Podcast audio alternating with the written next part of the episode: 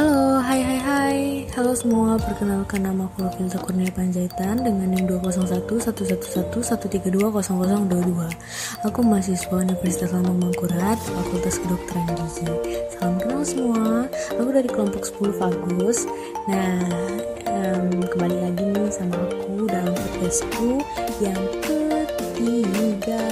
Halo semua, apa kabar? Semoga sehat selalu ya Kali ini saya akan membawakan topik yaitu pentingnya disiplin dan manajemen waktu nih. Nah, kamu punya masalah nggak sih dalam dua hal ini? Disiplin dan manajemen waktu. Ya, jujur ya, kalau aku sih ada. Nah, di sini saya akan memberitahu teman-teman, hmm, apa sih pentingnya disiplin dan manajemen waktu itu? Yuk kita simak sama-sama. Yang pertama, disiplin. Nah, disiplin merupakan sesuatu yang menyatu dalam diri seseorang. Disiplin muncul terutama karena adanya kesadaran batin dan iman kepercayaan bahwa yang dilakukan itu baik dan bermanfaat bagi diri dan lingkungan. Nah, Disiplin ini merupakan suatu sikap yang menunjukkan kesediaan untuk menepati atau mematuhi ketentuan, tata tertib, nilai, serta kaidah-kaidah yang berlaku. Disiplin mengandung asas taat, yaitu kemampuan untuk bersikap dan bertindak secara konsisten berdasar pada suatu nilai tertentu.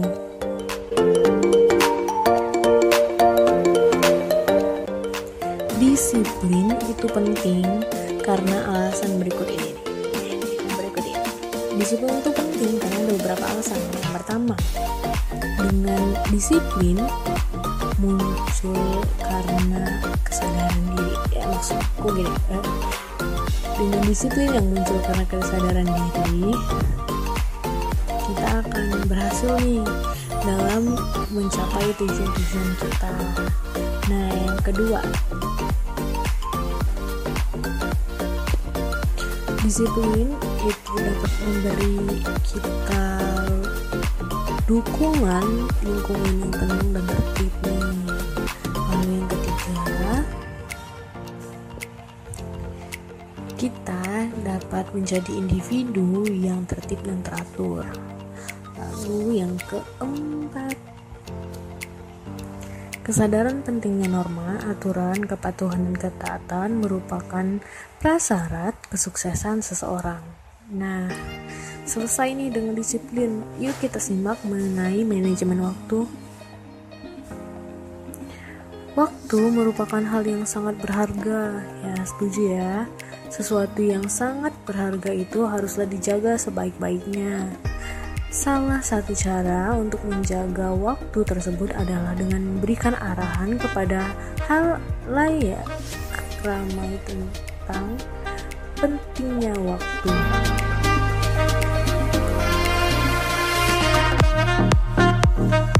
Nah, manajemen waktu itu adalah pencapaian sasaran utama kehidupan sebagai hasil dari menyisihkan kegiatan-kegiatan tidak berarti yang sering kali justru banyak memakan waktu. Lalu manajemen waktu merupakan perencanaan, pengorganisasian,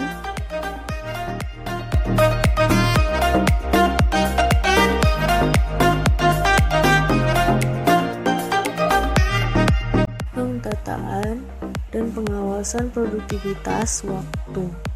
Waktu menjadi salah satu sumber daya kerja yang mesti dikelola secara efektif dan efisien. Efektivitas terlihat dari tercapainya tujuan menggunakan waktu yang telah ditetapkan sebelumnya.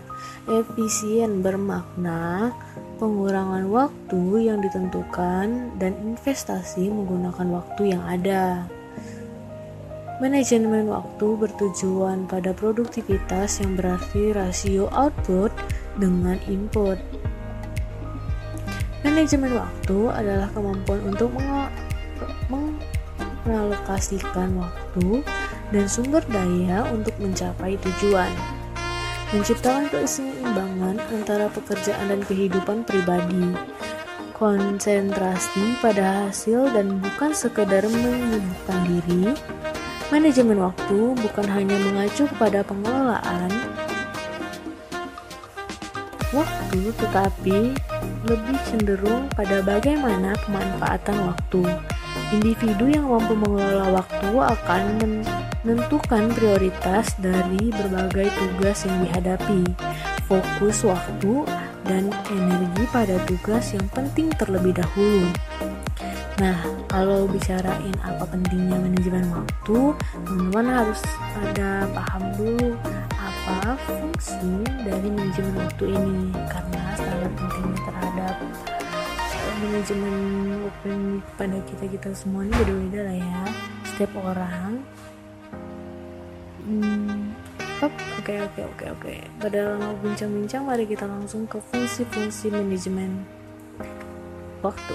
Fungsi-fungsi manajemen adalah sebagai berikut. Yang pertama, perencanaan waktu. Nah, yang pertama itu perencanaan waktu.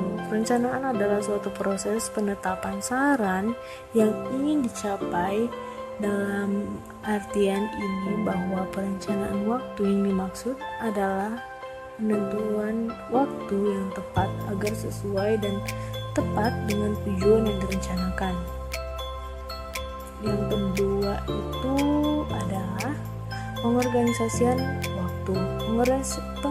Pengorganisasian merupakan kegiatan pengaturan secara terstruktur terhadap setiap individu atau kelompok sehingga apa yang direncanakan dapat terlaksana dengan baik. Nah lalu yang ketiga pengkoordinasian waktu. Pengkoordinasian adalah mengarahkan diri sendiri atau orang lain agar mau bekerja sesuai dengan apa yang telah direncanakan secara efektif dan efisien.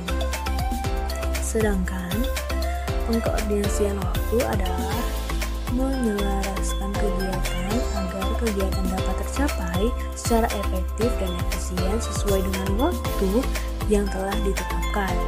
Yang keempat nih, pengawasan waktu. Pengawasan adalah kegiatan untuk memastikan apa semua berjalan dengan apa yang yang telah direncanakan. Sedangkan pengawasan waktu adalah kegiatan menyesuaikan jadwal kegiatan dengan yang telah direncanakan sebelumnya. Nah, lalu nih kita bahas hal yang dapat diterapkan dalam manajemen waktu. Nah, ada beberapa hal nih. Yang pertama, penetapan prioritas. Penetapan prioritas yaitu berdasarkan urutan kepentingan pekerjaan. Ada tiga nih metode dalam penerapan prioritas itu. Nah, yang pertama ada D. Yang pertama adalah metode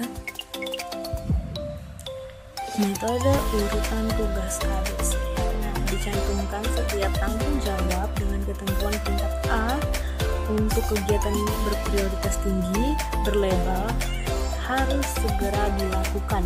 Peringkat bentuk kegiatan yang kurang penting berlabel sebaiknya segera dilakukan. Yang ke C, yang C untuk kegiatan prioritas rendah berlabel dapat menunggu. Yang kedua, prinsip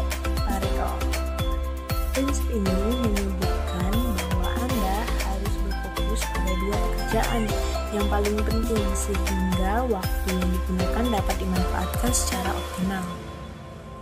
Yang ketiga dan yang terakhir yaitu mengelompokkan tanggung jawab berdasarkan kepentingan yang dan kedaruratannya.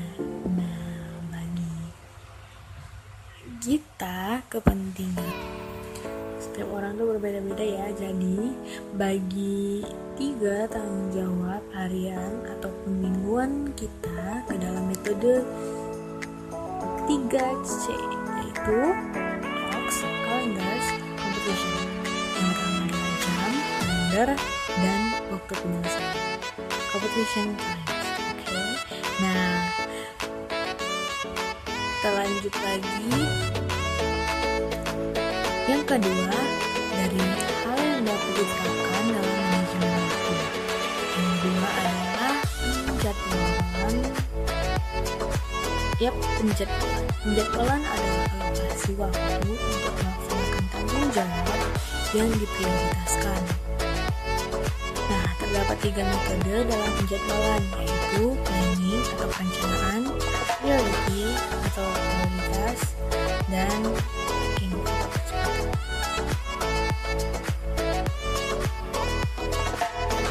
Dalam pembuatan jadwal harus memiliki ciri-ciri sebagai berikut nih.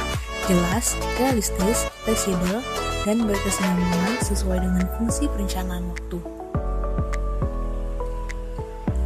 Oke oke oke, jadi gimana? Udah mulai agak sedikit paham lah ya. Semoga ilmu kalian bertambah dengan apa yang aku uh, bagi ini. Dan aku mohon maaf sebesar-besarnya apabila ada kesalahan kata maupun ucapan yang aku ucapkan. Aku mohon maaf sebesar-besarnya Nah dan juga aku ingin berterima kasih banyak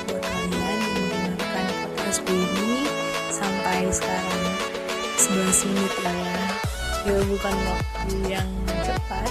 Dan terima kasih untuk semuanya. Sampai jumpa lagi dadah